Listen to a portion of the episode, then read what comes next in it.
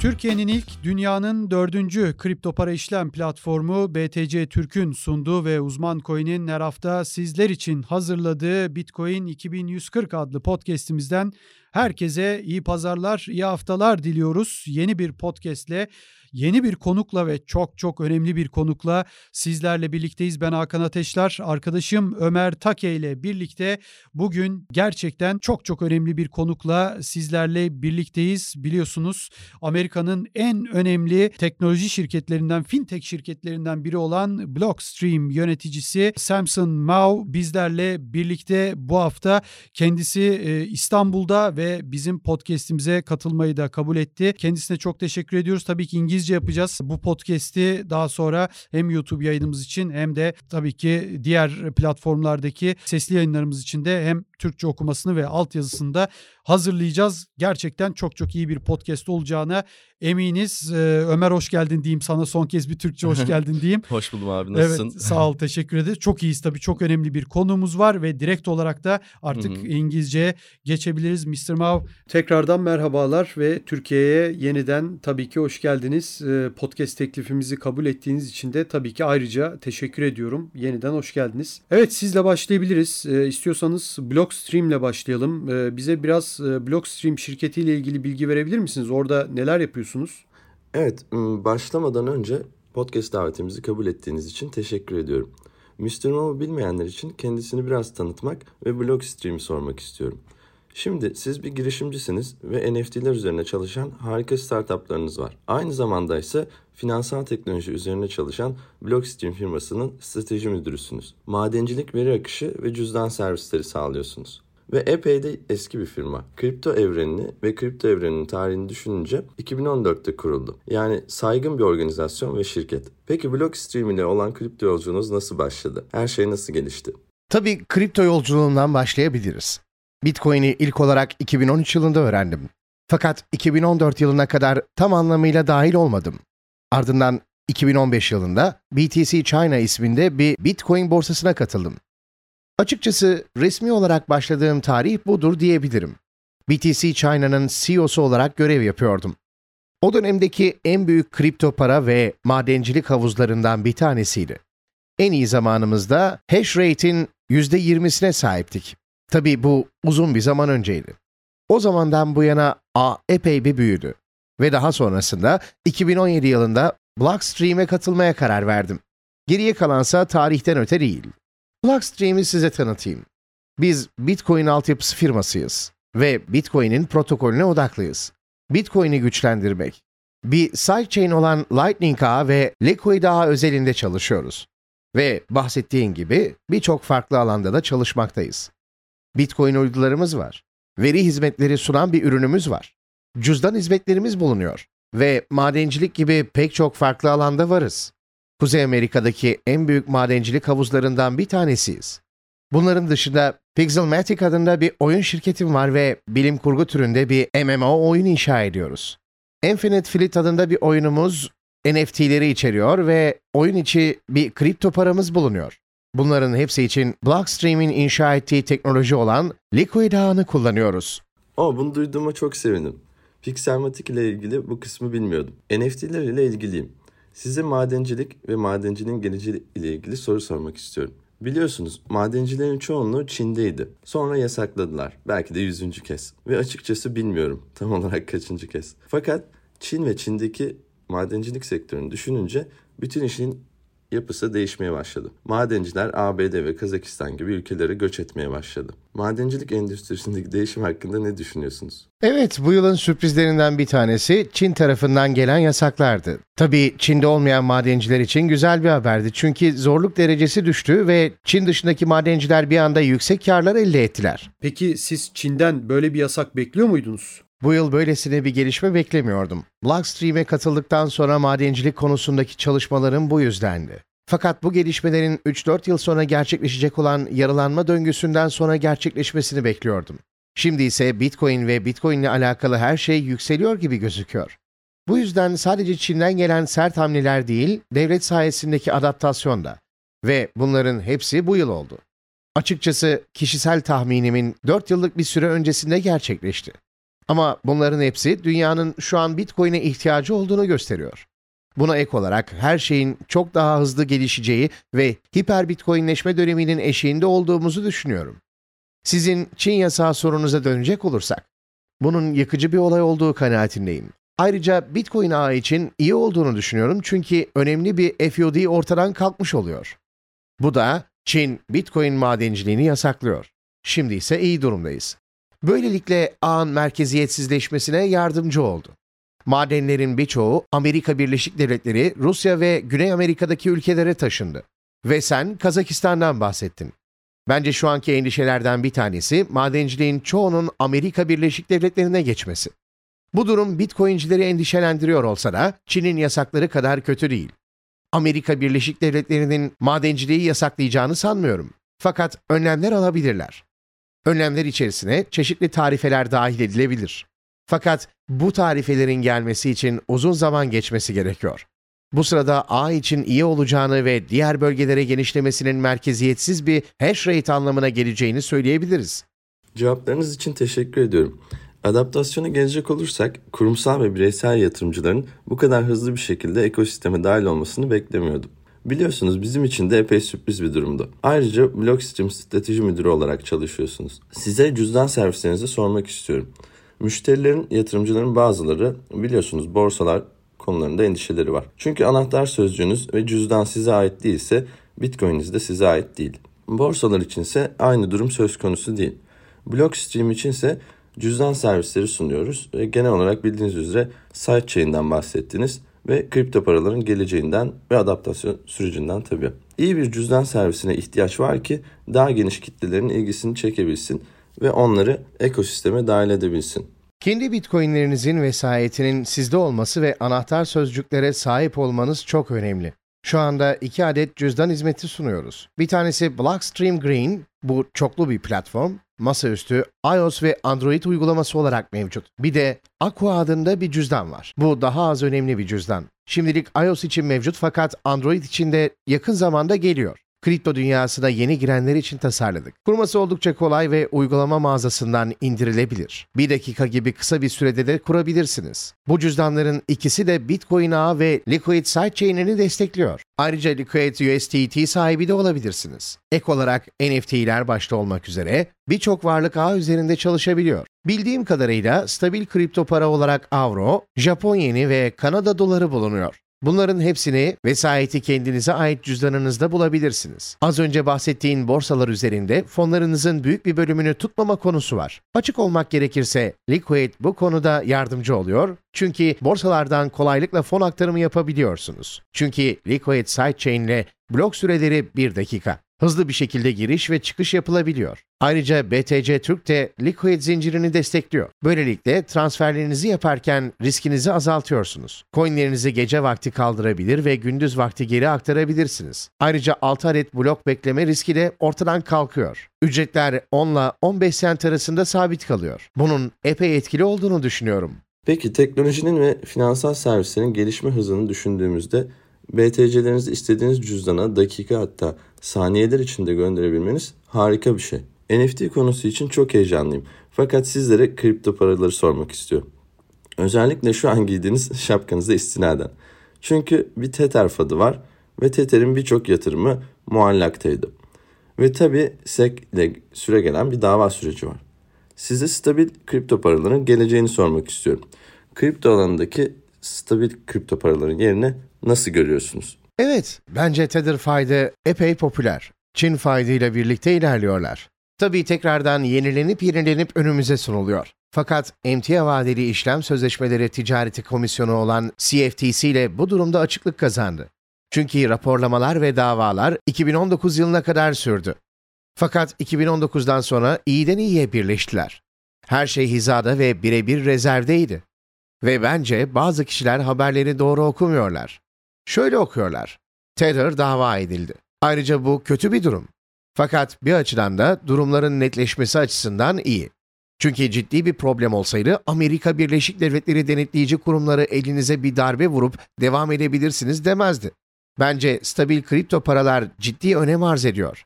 Türkiye'deki ortama bakacak olursak varlıklarınızı korumanız için bir yöntem.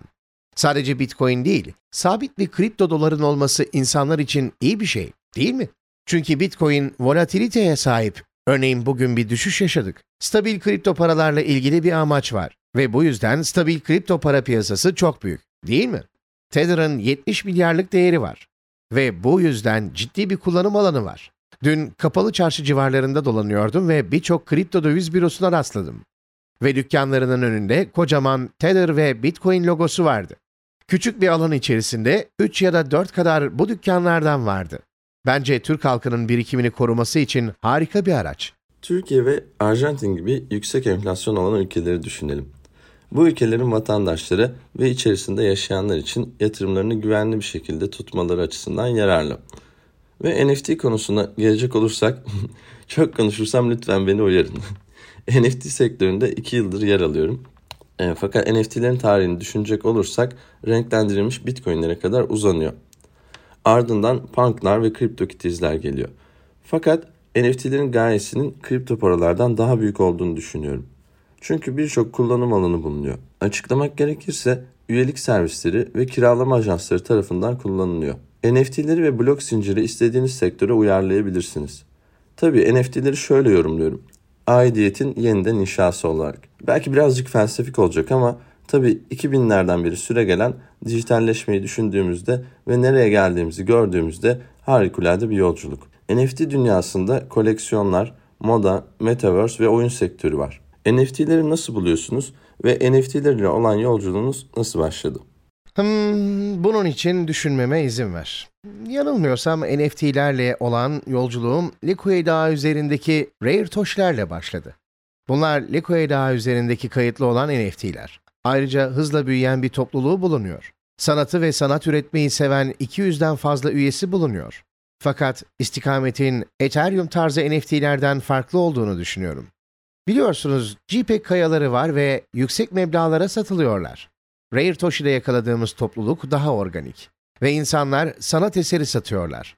Biliyorsunuz, yüksek paralara. Ayrıca bunların al satını yapıyorlar ve sanatçıyı desteklemek için satın alıyorlar. Ve kendi açımdan belirtecek olursam, senin de dediğin gibi NFT bir çeşit sertifika görevinde ya da doğruluğu ispat etmek için bir yöntem. Bir taraftan da spekülasyonlarla dolu Ethereum tarafı var ve kişiler paralarını ikiye ya da üçe katlama derdinde. Dahasını bilmiyorum fakat işlerin böyle gitmesi sağlıklı. Ve bunlar için kullanım alanı görüyorum. Çünkü tokenize edilmiş sanat eseri al-sata olanak sağlıyor. Ve bence burada Infinite Fleet hakkında da biraz konuşabiliriz. Oyun içi kripto parası sunan Infinite Fleet, Liquid üzerinde token sunuyor. Ayrıca NFT olarak uzay gemileri var ve eşler arası gönderilebiliyor. Oyunda bir oyuncu INF parası kazanırsa satın almıyorlar. Sadece oyunu oynayarak kazanıyorlar. Ve direkt olarak cüzdanlarına gidiyor. Bu tümüyle vesayetsiz. Ve uzay gemisi satın aldıklarında başka bir ekosisteme aktarabiliyorlar. Biz bir engel değiliz. Merkezi bir noktanın hatası hiç değiliz. Kişiler bizim ekosistemimiz ve oyunumuz dışında da al-sat yapabilir ve o token ya da varlıklarla ne yapmak istiyorlarsa yapabilir. Buradaki temel amaç al-sata olanak sağlamak. Buna ek olarak Atomic Swap gibi şeylere izin vermek. Böylelikle borsa, oyun parası ve uzay gemisi arasında güven ortamı oluşabilir. Bildiğim kadarıyla Bitcoin'i de oyun sektörüne uyarlayabiliyorsunuz. Oyuncular oyun oynarken Bitcoin kazanabiliyorlar değil mi? Onlar INF kazanıyorlar. Bu da oyunun kripto parası. Tıpkı World of Warcraft'taki altın gibi. İnsanların oyun üzerinden Bitcoin kazanmalarını istemedik. Çünkü bir MMO oyununun etkisi alabilir. Diyelim oyunu oynuyorsunuz. Bitcoin kazanıyorum diye düşünüyorsunuz değil mi?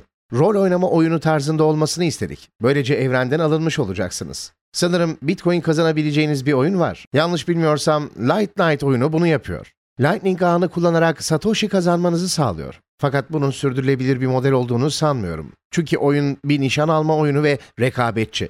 Biliyorsunuz rekabetçi bir oyunda bir şey kazanmanız gerekir değil mi? İki stil arasında ideolojik farklılık olduğunu düşünüyorum. Oyun sektörünü düşündüğümüzde bildiğiniz üzere ben buna geleneksel oyun sektörü olarak adlandırıyorum. Dönüşmekte olan bir sektör. Milyar dolarlık bir endüstri. Katılımcılar önceden hiçbir şey alamıyordu. Fakat şimdi bu değişiyor. Ve kazanmak için oyna ve blok zinciri temelli oyunları düşündüğümüzde oyuncuların ve katılımcıların çabaları sonucu ödüllendirildiğini görmek çok güzel. Tabi kazanmak için oyunu tarzındaki oyunları da eleştirebiliriz. Çünkü bazılarına dahil olabilmek için ödeme yapmanız gerekiyor.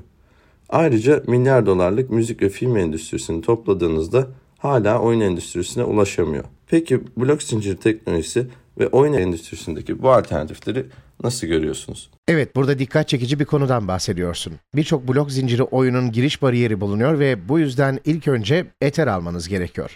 Böylelikle oynayabiliyorsunuz ama geniş kitlelere ulaşmanın yolu bu değil. Normal bir oyun bunu yapmayacaktır değil mi? Sadece küçük bir pazar yeriniz olacaktır. Tıpkı kendi kuyruğunu yiyen bir yılan gibi. Bir diğer şey ise Exe Infinity gibi oyunların oyuna dahil olmak için yüksek ücretler talep ediyor olmasıdır. Biliyorsunuz ilk önce paraya yatırım yapıyorsunuz. Sanırım bir çeşit burs programı da bulunuyor ve oyunu oynamak için borç alabiliyorsunuz. Bu modelin de sürdürülebilir bir model olduğunu düşünmüyorum. Bizim için Infinite Fleet'in ana olayı harika bir oyun olması. Ayrıca ciddi bir geliştirici topluluğumuz bulunuyor. Topluluk arasında Age of Empires gibi büyük oyun firmalarında çalışmış kişiler bulunuyor. Burada ilk önce oyun geliyor ve ardından da blok zinciri. Siz oynamaya başladıkça oyun parasını kazanıyorsunuz. Tıpkı World of Warcraft'taki altın gibi. Başka bir şey yapmaya gerek yok.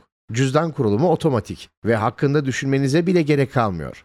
Kripto paralar hakkında hiçbir şey bilmeseniz dahi oyuna uzay gemilerine ve NFT'lere herkesin erişebileceği bir sistem inşa etmeyi denedik. NFT uzay gemisi gerçekten tokenize edilmiş ve başkalarıyla al satını yapabileceğiniz bir varlık. Oyunu mümkün olduğunca fazla oyuncuya erişebilir hale getirmeye çalışıyoruz. Pixelmatic'e gelecek olursak, başka oyunlar üretmeyi düşünüyor musunuz?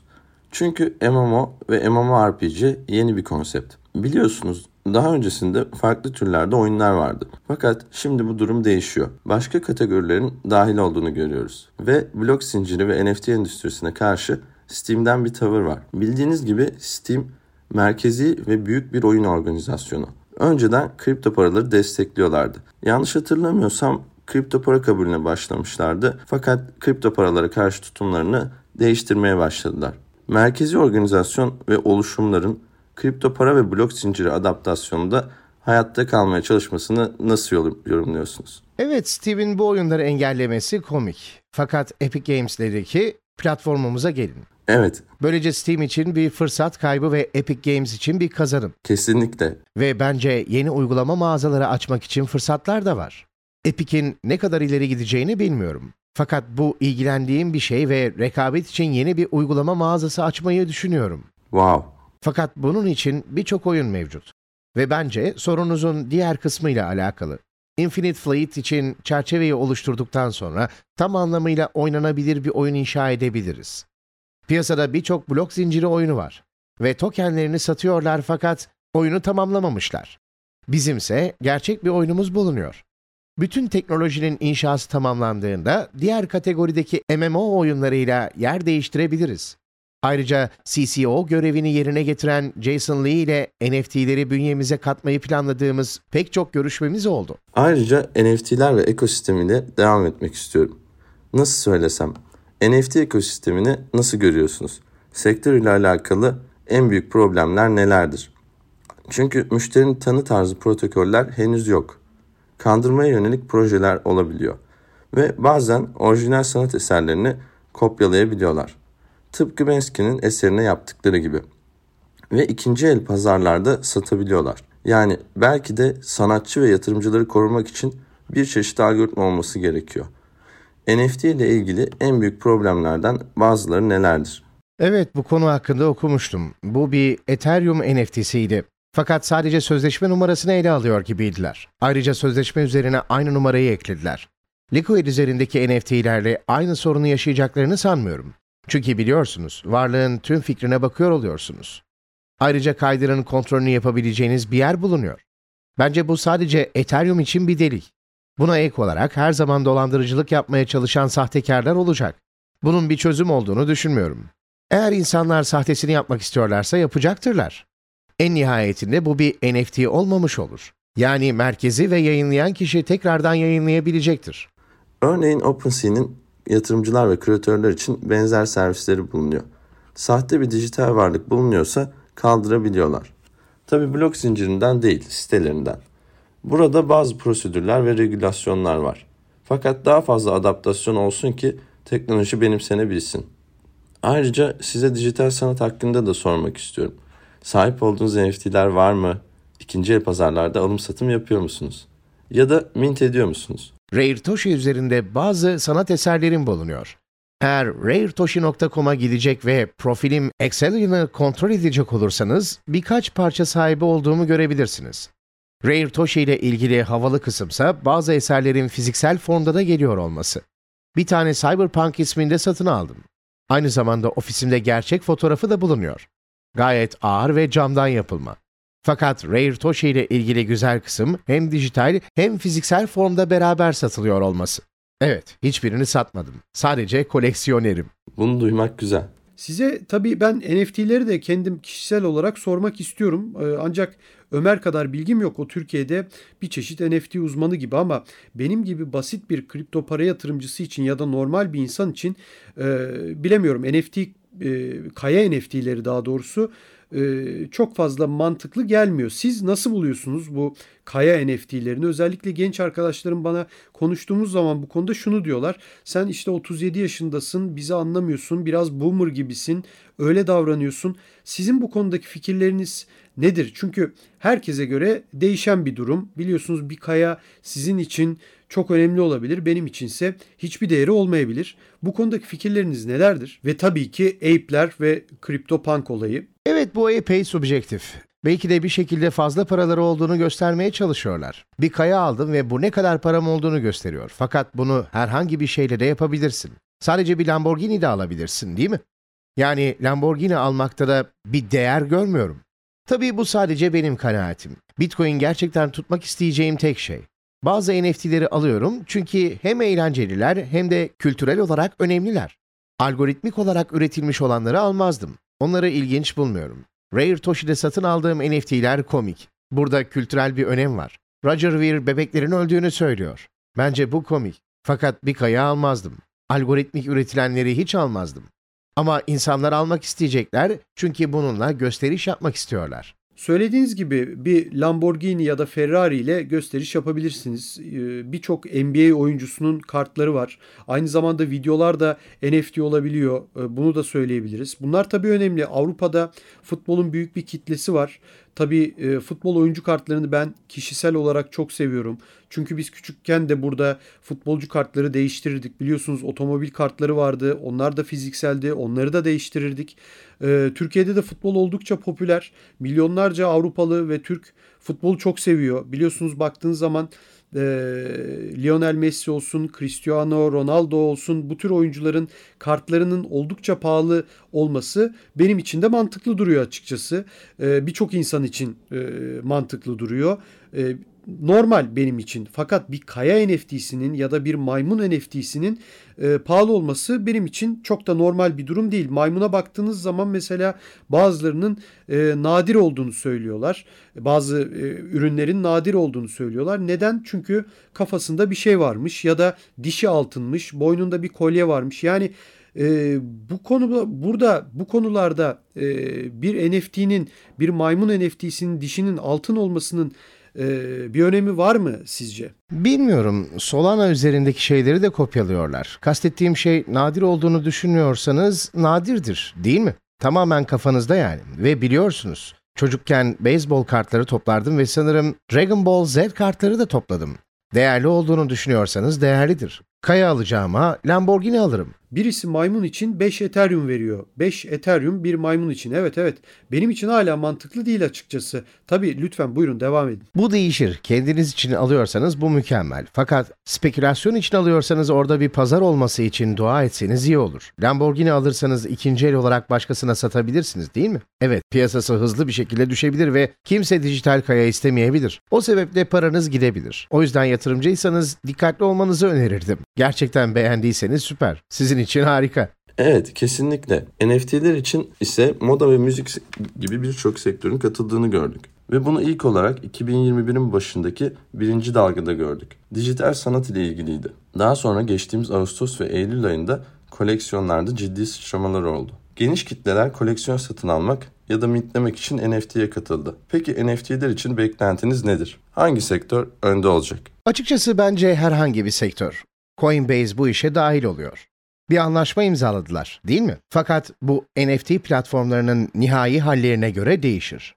Şu anda popüler ve var olanlara bakacak olursak bir NFT videosu alabilirsiniz ama salt o platformda alıyorsunuz. Ve de sadece onların platformu üzerinde tutabiliyorsunuz. Bu noktada bilmiyorum açıkçası gerçekten NFT olarak ihtiyacınız var mı? Yani aldığınız platformdan istediğiniz gibi hareket ettiremiyorsunuz. Bunun anlamlı olduğunu düşünmüyorum. Ne inşa edildiğine bakmak lazım. Hiçbir anlam ifade etmiyor, değil mi? Bir çeşit Merkez Bankası dijital parası gibi. Yani Kanada'da bir blok zinciri mühendisi için iş ilanı görmüştüm ve belirttikleri şey gizli olmasını istiyoruz ama o kadar da gizli değil. Bu sadece bir veri tabanı girişi, değil mi? Evet, Yani NFT sadece veri tabanı girişi. Anlamlı olduğunu düşünmüyorum. Evet ve blok zincir felsefesiyle örtüşmüyor. NFT'ler için size şunu sormak istiyorum. Bir koleksiyonunuz olduğundan ve hibrit formda NFT'leriniz olduğundan bahsettiniz. Henüz Metaverse'de yaşamıyoruz. Fakat belki de Metaverse'lere katılacağız ve gelecekte orada çalışacağız. Benim fikrim bu yönde. Tabi belki de bu yüzden hem dijital hem fiziksel formda hibrit NFT'ler görüyoruz. Çünkü Facebook tarafından bir proje gördük ve Metaverse inşa ettiklerini duyurdular. Diğer projeler daha merkeziyetsiz tabi. NFT ile Metaverse'ün ilişkisini nasıl görüyorsunuz? Bence durumun nereye evrildiğini düşününce geliştiricilerin birlikte çalışabilirlik özelinde çalışması gerekiyor. Fakat şimdilik çevresinden izole bir hal mevcut. Liquid üzerinde olsun, başka zincirlerde olsun NFT'ler var. Bilmiyorum, Metaverse bir pazar yerine ya da borsaya dönüşebilir ve böylelikle NFT'lerinizi özgürce hareket ettirebilirsiniz. Fakat bence bunu yapabilmek için birkaç standarda ihtiyaç var. Ayrıca bununla ilgili bir problem de var, değil mi? Yani oyun endüstrisini ele alalım. Infinite Fleet üzerinde bir uzay gemisi aldınız diyelim. EA oyun firmasının yaptığı bir uzay oyunu da vardır. Fakat onlar uzay geminizi kendi platformlarına taşımalarına izin verir mi? Sanmıyorum. Çünkü aslında ilk olarak başka yerde satın aldınız. Eğer onların oyununa taşırsanız satışı kaçırmış olurlar, değil mi? Bu yüzden iş ve ekonomik modelin gelişmesi gerekiyor. Belki de gemiyi burada alırsınız ve biz EA ile anlaşma yaparız. Ve belki de oyuna taşıdığınızda bir çeşit boost kazanırsınız. Fakat geminin tamamını alamazsınız ve onlardan bir şey daha almanız gerekir. Bunların üzerinde çalışılması gerekiyor. Bu konuda özellikle gelecekteki kısım belirsiz olarak gözüküyor. Biraz da kripto paralar ve makroekonomideki genel duruma geçelim. Bilindiği gibi 2008 krizinde yine para arzının arttırılması söz konusuydu. Özellikle finansal geleceğini tehlikeye attığını düşünen Amerika Birleşik Devletleri bu anlamda ciddi bir para basma politikası güttü. Koronavirüs pandemisiyle beraber bu durumun yeniden arttığını görüyoruz. Arzın yeniden arttırılıyor. Hatta 2008'deki para arzı bugün 4 kat artmış durumda. Rakamlardan pek emin değilim. Kontrol etmek lazım. Genel durum bu. Artık sadece ülkeler değil, insanlar da geleceklerini kurtarmak istiyor. Herkes aileleri için çalışıyor. Ancak çılgınca bir para basma durumu söz konusu. Sadece ABD'de de yok bu durum. Siz bu durum için ne söylemek istersiniz? Bu çok büyük bir problem. Şu anda zaten Jack Dorsey'den Michael Saylor'a kadar birçok kişi bu konu hakkında konuşuyor. Özellikle etki gücü yüksek profildeki insanlar bunu gündeme getiriyorlar ve insanlara gösteriyorlar. Genelde enflasyon buharlaşan su gibidir. Suyun kaybolduğunu anında görmezsiniz ama aslında buharlaşma çoktan başlamıştır. Kademe kademe olur. Aslında bu Türkiye'lere ciddi şekilde şu anda hissediliyor. Amerikan dolarının Türk lirasına oranı şu anda 1'e 10. Dolayısıyla burada zaten siz enflasyonu hissediyorsunuz. Mesela Kanada'da o kadar çok hissetmiyorsunuz ama yaşandığını biliyorsunuz. Şu anda çok büyük miktarlarda para bastıklarını da biliyoruz. Kanada'da sadece geçen sene 40 yılda basılan toplamda paradan daha çok para basıldı. Bu gerçekten çok saçma. Bu yüzden bence gelecekte hiper bitcoinizasyon olacak. İnsanlar bitcoin alacak ve fiyat paralara geri dönmeyecek. Şu anda da zaten sorunu insanlardan para alarak çözmeye çalışıyorlar. Realize edilmemiş karlardan da vergi almak istiyorlar. Bu bence sorunun üzerine bir set çekmek. Amerika Birleşik Devletleri'ndeki tüm zenginlerin tüm parasını alsanız bile borcun ve para basmanın yarattığı boşluğu kapatmak için yeterli olmayacak. Belki üçte biri için yeterli olabilir. O da bu sene için geçerli bir durum. Gelecek sene ne olacağını kim bilebilir? Bu çok büyük bir problem. Bence bu yüzden her şey hızlanmaya başladı. Bitcoin benimsenmesi, yasaklar, vergi alınmaya çalışılması. Çünkü dünyayı yöneten güçler onlar için kötü bir şeyin olduğunu görüyor ve bunu istemiyorlar.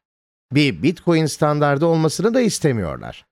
Bir zamanlar belki bir altın standardına geçiş denenebilirdi ama bunu da hiç yapmadık. Çünkü para basmanın verdiği gücü gördük. Bu adeta bir uyuşturucu gibi. Havadan para yaratabiliyorsun.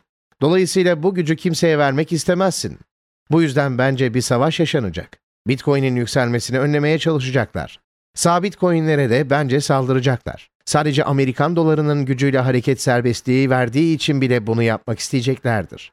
Bitcoin'in çektiği ilgi kadar ilgi çekecekler diye düşünüyorum. Bence iki yönlü bir saldırı olacak. Hem Bitcoin hem de sabit coinlere karşı yapılan saldırılar. Açıkçası biz de burada iki senedir enflasyonu ciddi şekilde tartışıyoruz. Ben çocukken de mesela aile toplantılarında enflasyonun konuşulduğu olurdu ancak bana göre bu durum çok daha farklı şu anda. Ben size şunu sormak istiyorum. Arkadaşlarımla bu konuyu konuştuğumda onlara zaten Bitcoin'i anlatıyorum. Bitcoin almalarını söylüyorum ancak onlar bana genelde ben şu an Bitcoin alsam ve Bitcoin 100 bin dolara gidip rekor kırsa bile ben hiçbir şey kazanmayacağım. Ancak fenomen tokenlarda çok daha fazla 10 katı hatta 100 katı kazanabileceklerini söylüyorlar. Ben mesela kişisel olarak bu coinleri almama kararı aldım. Belki de önümüzdeki birkaç ayda gerçekten çok kazandıracaklar ama ben almayacağım. Bana söyledikleri şu arkadaşlarımın. Ship token olsun, hamster token olsun ya da herhangi bir hayvan tokenını alsam 100 kat yükselme şansı var. Şu anda bitcoin alsam hiçbir işe yaramayacak. Elimdeki paranın zaten değeri yok. Bu sözlere katılıyor musunuz ve bunu söyleyenlere ne cevap vermek istersiniz? Bence bu birçok insandaki ortak düşünce tarzı. Ancak Bitcoin sizin parasal değerinizi korumanın yollarından bir tanesi. Fiyatının yukarı gidecek olmasının sebebi para basmanın devam edecek olmasıdır. Evet kabul ediyorum bir varlığın çoklu sıfır değerde olması ve oradan gelecek olan yükselme ihtimali çekici bir durum ve paranızı belli bin katta artırabilir ama bana göre bu kumar oynama. Kumar oynamak isterseniz de kumarhanelere gidebilirsiniz. Dolayısıyla bir altcoin almanıza ya da Dogecoin tarzı coinler almanıza gerek yoktur. Bence burada oynayabileceğiniz en güvenli bahis paranızı Bitcoin'e koymaktır ve ayrıca biriktirmeye devam etmek. Elinizdeki bütün parayı Bitcoin'e çevirmektir. Aslında burada tam ne söyleyeceğimi de bilemiyorum. Çünkü bu soruyu çok fazla duyuyorum. Buradaki en ilginç durumlardan bir tanesi de BTC Türk'ün Bitcoin işlemlerinden ücret almaması. Aslında sizi Bitcoin almaya ve biriktirmeye teşvik ediyorlar. Diğer altcoin'lerdense ücret alıyorlar. Tabii ki günün sonunda herkes kararını verecek. Bence burada en önemli faktörlerden biri de aç gözlülük. Aç gözlülükle kaplanmış olan gözlükleri çıkarıp gerçek değeri olan paraya geçmek de gerçekten zor. Hepimize zaman gösterecek ama şunu da unutmamak lazım ki bütün bu konuştuğumuz altcoin'ler aslında en sonunda sıfıra gidiyor. Bitcoin'in çıkışından sonra bütün altcoin'lerin fiyat gidişatına bakın. Hepsinin grafikleri aşağı doğru gitti. Açıkçası tarihe de şu anda yaşananlara da bakabilirsiniz. Aslında bu da insanların büyük ve ortak yaptığı hatalardan biri. Herkes sürekli olarak kısa vadeli zaman dilimlerine bakıyor. Bugün Bitcoin düştü. Demek ki volatil diyorlar. Ancak geriye çekilip 10 yıllık büyük resme bakarsanız kocaman bir yeşil mum göreceksiniz. Örnek olarak bu programdan sadece 3-4 saat önce YouTube'da bir video gördük. 20 bin kişi resmi olmayan bir fenomen token kanalını izliyordu. Token ismini de söylemek istemiyorum açıkçası. Videonun başlığı da şuydu. Elon Musk 2 nokta üst üste şu token sene sonuna kadar 1 dolar olacak. İçindeki videoda ise Elon Musk Katie Wood ve Jack Dorsey'nin The B-Word'deki konuşmaları vardı. Yani videoda Elon Musk elinde sadece Bitcoin, Ethereum ve Dogecoin olduğunu söylüyor ama başlık sanki o fenomen token'a da sahipmiş ve onun sene sonu 1 dolar olacağını söylemiş gibi veriliyor.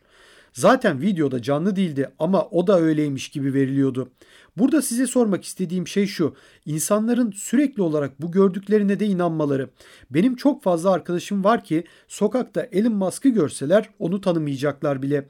Ancak bana gelip Elon Musk şu coin'e destek veriyor diyorlar. Fenomen token derken de Dogecoin'den bahsetmiyorum tabii ki. Ona zaten destek verdiğini söyledi Elon Musk. Bu bilgi kirliliğinin artışıyla ilgili ne söylemek istersiniz? Aslında bence bu bir bilgi kirliliği de değil. Yani bu apaçık yalan söylemek ve bilerek, isteyerek söylenen bir yalandan bahsediyoruz. Bu tür kötü bilgilendirmeleri yapan, hiç kimseye yardımı olmayan gerçekten çok fazla kanal var. Çok fazla Türk fenomeninde olduğunu görüyorum. Sürekli olarak Twitter'da benim karşıma da çıkıyorlar ve hepsi de shitcoin'leri tavsiye ediyor takipçilerine. Açıkçası insanların tükettiği medya şu anda bu ve sonunda yiyecekleri yemek de bu. Kısa süre içinde de bu durumun değişeceğini pek sanmıyorum. Herkesin kendi araştırmasını yapması lazım. Eğer siz bir kişinin o coin'e vereceği desteğe göre yatırım yapacaksanız, o zaman bu bir şirkete yatırım yapmaktan farksız olacaktır. Bir kişi bir şirketi yatırım için övüyorsa ama siz gerçekten o şirketten hisse alamıyorsanız elinizde hiçbir şey yok demektir. Hatta bir şirket de yok demektir değil mi? Dolayısıyla bir menkul kıymet ya da bir token almış oluyorum ya da Bitcoin alacaksınız. Bitcoin'i övecek kimseye ihtiyacımız yok. Bitcoin'in sadece var olması yeterli. Merkeziyetsiz. Herkes ona kolayca ulaşabilir ve bir kişiye bağlı değil. Bir lider yok. Diğer bütün coinlerin arkasında biri var. Ya da o coin'i birinin ön plana çıkaracağı umuduyla satın alanlar var. Bence tek bakmamız gereken indikatör bu. Siz eğer birinin sizin para miktarınızı artıracağını düşünüyorsanız, bilmiyorum. Belki haklı da çıkabilirsiniz ama ben paramı Bitcoin'e koymayı tercih ederim. Bir gün bir Bitcoin standardının olacağına ya da Bitcoin'in dünya parası olacağına inanıyor musunuz? Tabii ki şu anda artık bazı devletlerin de Bitcoin'i yasal olarak kabul ettiklerini görüyoruz. Dogecoin ya da diğer coinleri kabul etmiyorlar değil mi? Bence Elon Musk da böyle bir durumdan hoşnut olurdu. İlk olarak insanların şunu anlaması lazım. Elon Musk aslında düşünüldüğü kadar zeki bir insan değil. O sadece çok şanslıydı. Bitcoin hakkındaki tüm düşünceleri ve tahminleri yanlış çıktı. Onun hakkında gerçekten çok daha farklı ve olumlu düşünürdüm ama şimdiki fikrim onun gerçekten ortalama bir insan ve hatta şanslı bir insan olduğu yönünde. Evet belki çok çalışmış olabilir ama gerçekten şanslıydı. Aslında Elon Musk Türk kripto para topluluğu tarafından sevilen bir simaydı ancak Mayıs'ta Bitcoin'in doğaya zarar verdiği tweetini attıktan sonra işler değişti. Çünkü 2 ay önce araba satışı için kabul ettiğin Bitcoin bir anda kötü oldu. 2 ayda Bitcoin en iyi varlıktan en kötü varlığa dönüştü onun için. Kesinlikle. Aslında bu bile onun hiçbir araştırma yapmadan Bitcoin aldığını gösteriyor. Bu da kötü bir şey değil mi? Onun işini düzgün yapmadığını, şirketi için önlem almadığını gösteriyor. Ya da internette bir şey okudu ve kararını değiştirdi. Gördüğünüz gibi burada tüm cevaplar kötü. Yani aslında bir yatırım yaparken de onun düşüncelerine bakarak yapmamanız gerektiğinin de bir göstergesi. Biraz da El Salvador konusunu sormak istiyorum. Gerçekten iyi bir şey yaptılar ama Türkiye'de biz bu konuyu konuşurken tırnak içinde söylüyorum El Salvador gibi küçük bir ülkenin bunu yapmasının kolay olduğunu söylüyoruz. ABD'de de bu konu hakkında yorumlar olabilir bilmiyorum ama sonuçta Türkiye çok daha büyük bir ülke El Salvador'a göre. 80 milyonluk nüfusu var. Ekonomisi, farklılıkları, Orta Doğu bölgesinin yüksek tansiyonunu sürekli olarak hissediyor olması Bitcoin adaptasyonunun El Salvador'dan çok daha zor olacağı yorumlarının yapılmasına sebep oluyor. Özellikle Türkiye olsun, hatta Avrupa'yı da sayabiliriz. Fransa'sından İsveç'ine kadar Kuzey Avrupa ülkelerini de sayabiliriz. Ekonomik anlamda büyük ülkelerin Bitcoin adaptasyonunu sağlaması size göre daha mı zor ya da aynı şey midir El Salvador'la? Aslında büyük ekonomilerin adapte olması daha zor. Çünkü asıl problemi oradaki kalabalıklar göremiyorlar. Amerika Birleşik Devletleri medyasındaki haberlere bakarsanız hepsi enflasyonun kısa süreliğine olduğunu belirtiyorlar. Çünkü onlar rahat bir pozisyonda yaşıyorlar ve halka inip sorunları göremiyorlar ya da enflasyonu anlayamıyorlar. Çünkü zaten New York'ta yaşıyorlar ve her şey onlar için çok güzel. Ancak bir adım geriye çekilip dünyaya bakarsanız, yeni yerleri ziyaret ederseniz gerçeği görürsünüz. El Salvador olsun ya da Brezilya gibi diğer Latin bölgelerindeki ülkeler olsun, buradaki sorunları görürsünüz. Türkiye'de bile sorunlar var, değil mi? Ancak sizin zaten çok rahat bir hayatınız varsa dünyadaki gerçekleri göremezsiniz. Bu yüzden ben Fransa ve İsveç gibi ülkelerin de dünyaya o gözle baktıklarını ve gerçekleri göremediklerini düşünüyorum. Oralarda durum hala iyi. Bu yüzden bir adaptasyon isteyeceklerini sanmam. Her şey bu adaptasyona gerçekten ihtiyacı olan ülkelerden başlayacak. Bence bu El Salvador için bir gereklilikti. Türkiye için de bir gereklilik. Ama şu anda sadece resmi değil. Ama siz resmi olmamasına rağmen insanlara bakarsanız, adaptasyonun derinliğine bakarsanız şu anda Bitcoin'in aslında bir ulusal para gibi olduğunu görebilirsiniz. Kabul edin ya da etmeyin. Varlıklarınızı Bitcoin'de ya da Tether gibi sabit coinlerde tutup ihtiyacınız olduğunda Türk lirasına çevirerek harcayabilirsiniz. Sadece bir adım daha fazla atmış oluyorsunuz ama insanlar Bitcoin ve sabit coinlerde paralarını tutmaya başladılar bile. Şu andaki soru sadece senin onu resmi şekilde kabul etmek isteyip istememenle alakalı. Ömer sana geçmeden önce bir soru daha sormak istiyorum. Ayın 31'inde White Paper'ın yayınlanışının yıl dönümü var. Çok fazla teknik konuya da girmek istemiyorum ama Satoshi Nakamoto sorusunu sormak istiyorum size. Arka arkaya birkaç soru olacak ama Sizce onu tanıyor musunuz? Görmüş olabilir misiniz daha önce? Mesela İngiliz İngilizcesi yazılarından ötürü Adam Beck olabileceği de söyleniyor. Sizce bir kişi mi, bir grup mu? Yaşıyor mudur ya da ölmüş müdür? Ne söylemek istersiniz bu konuda? Önce grup mu, kişi mi olduğundan başlayalım. Ben tek bir kişi olduğunu düşünüyorum. Çünkü yazdıklarını okursanız birbirine uyumlu olduğunu göreceksiniz. Ben bir grup insanın yazılarda bu kadar uyumlu görünebileceğini düşünmüyorum. Ya da bir kişi tüm grup adına da yazıyor olabilir ama kodlamalara baktığınızda da ciddi bir uyumluluk görüyorsunuz. Dolayısıyla her şeyi yazan, tartışan ve kontrol eden bir kişi olduğunu düşünüyorum. Amerikan İngilizcesi ve İngiliz İngilizcesi farklılıkları için ne söylemek istersiniz? Ben bunun çok önemli olduğunu düşünmüyorum. İnsanlar İngiliz İngilizcesinden ve kriptografi bilmesinden ötürü Adam Black olduğunu söylüyorlar. Ama herhangi biri de İngiliz İngilizcesiyle yazabilir. Kendi kimliğinizi saklama amaçlı bile İngiliz İngilizcesi kullanabilirsiniz. Örnek olarak ben Kanadalıyım ama biz İngiliz İngilizcesi konuşuyoruz. Ancak ben tüm yazılarımda Amerikan İngilizcesiyle yazıyorum. Bu sadece bir alışkanlık meselesi. O zaman siz kendisini saklamak için bilerek böyle bir dil kullandığını düşünmüyorsunuz. Doğru mu? Çünkü birçok kişi değişen dil kullanımlarının kendisini saklamak için yapıldığını düşünüyor. Belki de öyledir. Ne yaptıysa onu çok iyi başaran birisi. Bundan sonra bulunabileceğini de sanmıyorum. Yaşayıp yaşamadığını da bilmiyorum. Kesinlikle benim daha önce temas ettiğim kişilerden biri olduğunu düşünmüyorum. Bunu yazılarına ve iletişim tarzına bakarak söylüyorum. Sonuç olarak saklanmayı başardıysa bunu iyi yaptı. Ve eğer şimdi hala aramızdaysa tamamen farklı bir iletişim tarzı kullanıyor olmalı. Ama o zamanki iletişim tarzını bu evrende olan kimsede şu ana kadar görmedim. İnsanların bence en kötü huylarından biri de sürekli olarak başkalarının parası hakkında konuşmak ama ben bazen açıkça söyleyeyim Satoshi Nakamoto'nun cüzdanındaki bitcoinleri düşünüyorum. Biliyorsunuz 1 milyon kadar bitcoin var ve hareket etmeyen bir cüzdanda duruyorlar. Eğer yaşıyorsa sizce bu cüzdandakiler dışında kendisi için de bir miktar bitcoin ayırmış mıdır? Bazen kendisinin ne yaptığını, nasıl yaşadığını düşünüyorum. Bu cüzdandakileri de hareket ettireceğini pek düşünmüyorum. Ben de düşünmüyorum. Siz bu durum hakkında ne düşünüyorsunuz? Sonuçta hayatını idame ettirmek zorunda. Bence stratejisini sürdürme konusunda belli bir disiplini varsa ve projeden çekilip kendi hayatını açgözlülüğe yenik düşmeden 13 senedir yaşamayı başardıysa bunun tersini bir daha yapmayacaktır. Buna şimdi başlamaz. Anahtar kelimelerini yakmış ya da denize bile atmış olsa ya da onları kullanmama disiplinine sahipse bu dakikadan sonra bunu bozmaz. Açıkçası ben anahtar kelimelerini yok ettiğini düşünüyorum. Ama diyelim ki elinde ve bekliyor, o zaman onları 2017'de harcardı. Hatta çok daha önce bile satardı. Şunu unutmayın, birçok erken Bitcoin yatırımcısı coinlerini çok daha önceden sattılar. Sonuçta sıfırdan 100 dolara giden bir varlıktan bahsediyoruz. Ve tabii ki heyecan ve mutluluk verici bir olay. Bundan dolayı bence daha da eski bir dönemde satış yapardı diye düşünüyorum. O yüzden bu dakikadan sonra hareket ettireceğini sanmıyorum. Bu soruyu sormamın sebebi ben arkadaşlarıma Bitcoin anlattığım zaman bana sordukları ilk şey ya da ikinci soru Satoshi'nin Bitcoin'lerini neden orada tuttuğu ve neden harcamadığı ya da neden hala anonim kalmayı tercih ettiği. Bu konuda büyüklerimiz de çoğu zaman Bitcoin konusunu anlamıyor. Devlet varsa iyidir, güvenilir diyorlar.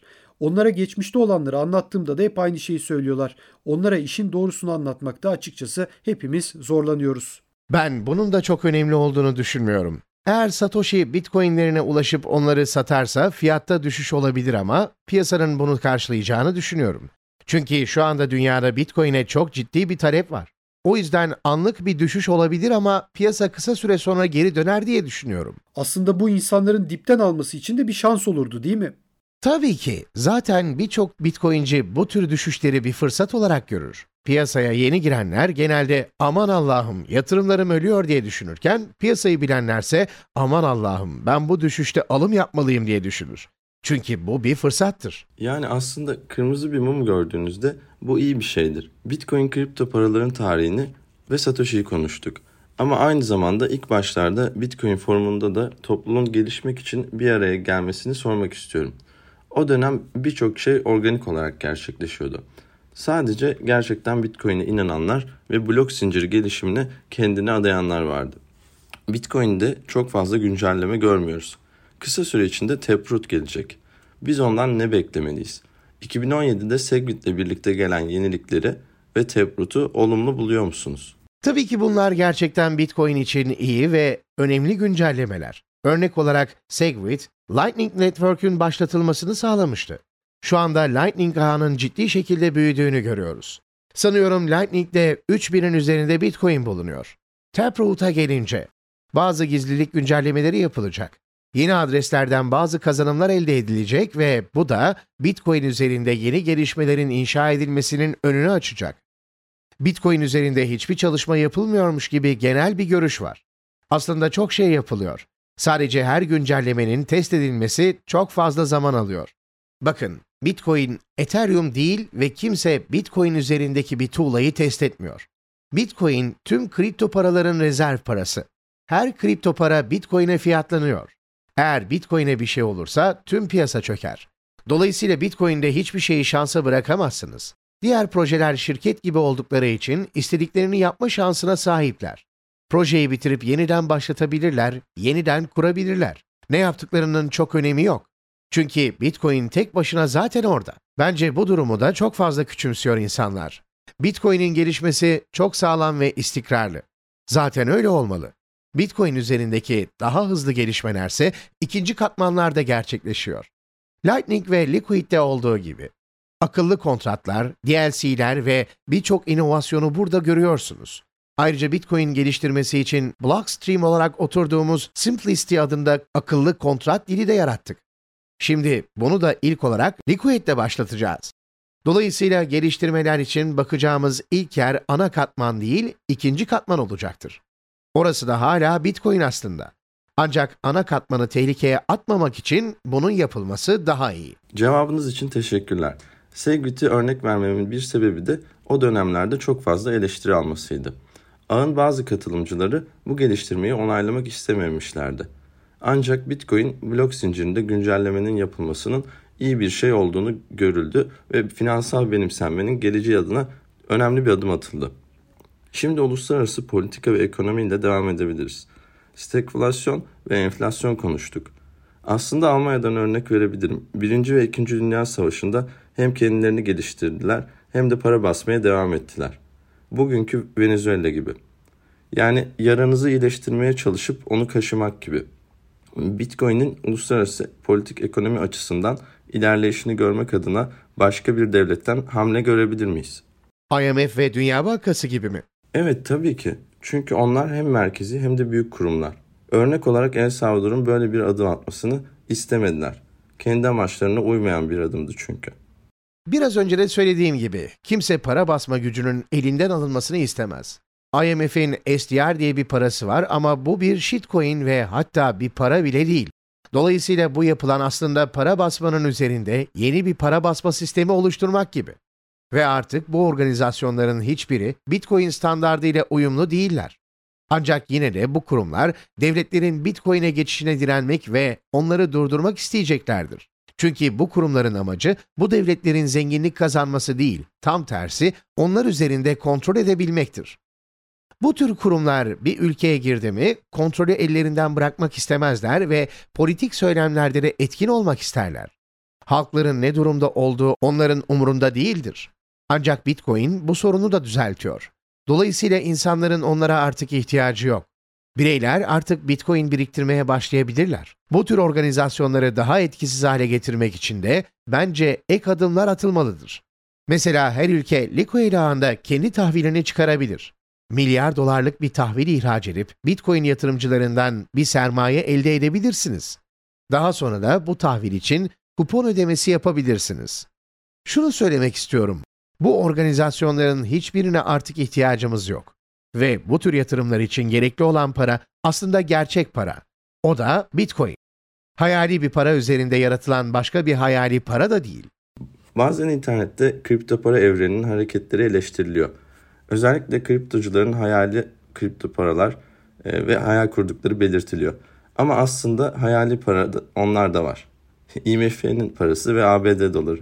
Mesela Avrupa Birliği Merkez Bankası Başkanı Christine Lagarde var. Biliyorsunuz sürekli olarak kripto diyor ama kripto para demiyor ya da kriptonun ne olduğunu söylemiyor. Aslında kripto kelimesinin arkasında bir kelime daha gelmesi lazım. Kriptolar para değildir diyor, nokta diyor ama ne olduğunu da söylemiyor. Bu kişi AB Merkez Bankası'nın başkanı. Kriptonun ya da kripto paranın ne olduğunu söyleyemiyor. Aslında kim bir Merkez Bankası yöneticisinin kripto paralar hakkındaki fikirlerini merak eder ki? Bizi zaten bu duruma sokan onlar. Dolayısıyla onların fikirlerini neden merak edelim ki? Bir Orta Doğu ülkesinin El Salvador gibi Bitcoin'e adapte olmasının kolay olmadığını söyledik ama sizce Venezuela gibi ya da Venezuela demeyeyim ama Paraguay, Arjantin ya da Brezilya gibi ülkeler sizce Bitcoin'e geçebilir mi? Çünkü bu ülkeler de Türkiye gibi büyük ülkeler açıkçası. Bu ülkelerin kolay şekilde Bitcoin'i kabul edeceğini düşünüyor musunuz? Ya da ederlerse ne kadar yılda bunu başarabilirler diye düşünüyorsunuz? Bu ne kadar sürebilir? Ben aslında bunun kolay olacağını da düşünmüyorum. Çünkü kendi halkları üzerinde karar hakları olan hükümetler söz konusu. Halkların iyiliğini düşünen bir başkan ya da başbakan olmalı ve genelde de bu olmuyor. El Salvadorlularsa bu kere gibi başkanları olduğu için şanslılar diye düşünüyorum. Çünkü o herkesin Bitcoin'e ve sağlam paraya sahip olmasını istiyor. Ama bu her yerde böyle değil. Ben yine de Bitcoin benimsenmesinin engellenebilir olduğunu düşünmüyorum. Bir atasözü, ihtiyaç her inovasyonun anasıdır der. Bitcoin adaptasyonunun anası da ihtiyaçtır. Eğer insanların ona ihtiyacı varsa onu kabul edeceklerdir. Bu durum hükümetlerin ne dediğinden ya da ne yaptığından bağımsız olarak gerçekleşecektir. Sonunda da herhalde bu durum Gandhi'nin sözüne geliyor o zaman. Önce reddederler, sonra savaşırlar, en sonunda da kabul ederler. Bu önlenemez. Hükümetler sever veya sevmez. Kabul eder ya da etmez. Para insanlar tarafından karar verilen yöne gider. Fiyat parayla yaşadığımız tüm bu deneyde biz bunu gördük aslında. Bitcoin'in var olduğu her gün aslında insanların Bitcoin'i para olarak kabul ettiği gerçeğini bize gösteriyor. Çok teşekkür ediyoruz bizi dinlediğiniz için. Ee, Türkiye'nin ilk, dünyanın da dördüncü kripto para işlem platformu olan BTC Türk'ün sunduğu ve uzman coin'in her hafta sizler için hazırladığı Bitcoin 2140 adlı podcast'imizin bu haftaki konuğu gerçekten çok önemli e, bir iş adamıydı, yatırımcıydı. Gerçekten Bitcoin evreninin çok önemli simalarından biriydi. Blockstream yöneticisi Samson Mao bizlerle birlikteydi. Kendisini zaten Twitter'dan, YouTube'dan e, özellikle yani özellikle Bitcoin takipçileri ve kripto para haberlerini takip edenler uzun zamandır e, biliyordu ve kendisini biz de İstanbul'da yakalamışken biraz da emrivaki yaptık. E, ulaştık ve o da kabul etti sağ olsun. Çok teşekkür ediyoruz bu e, podcast'i dinlediğiniz için. E, gelecek hafta tekrardan görüşmek dileğiyle herkese iyi haftalar, iyi pazarlar.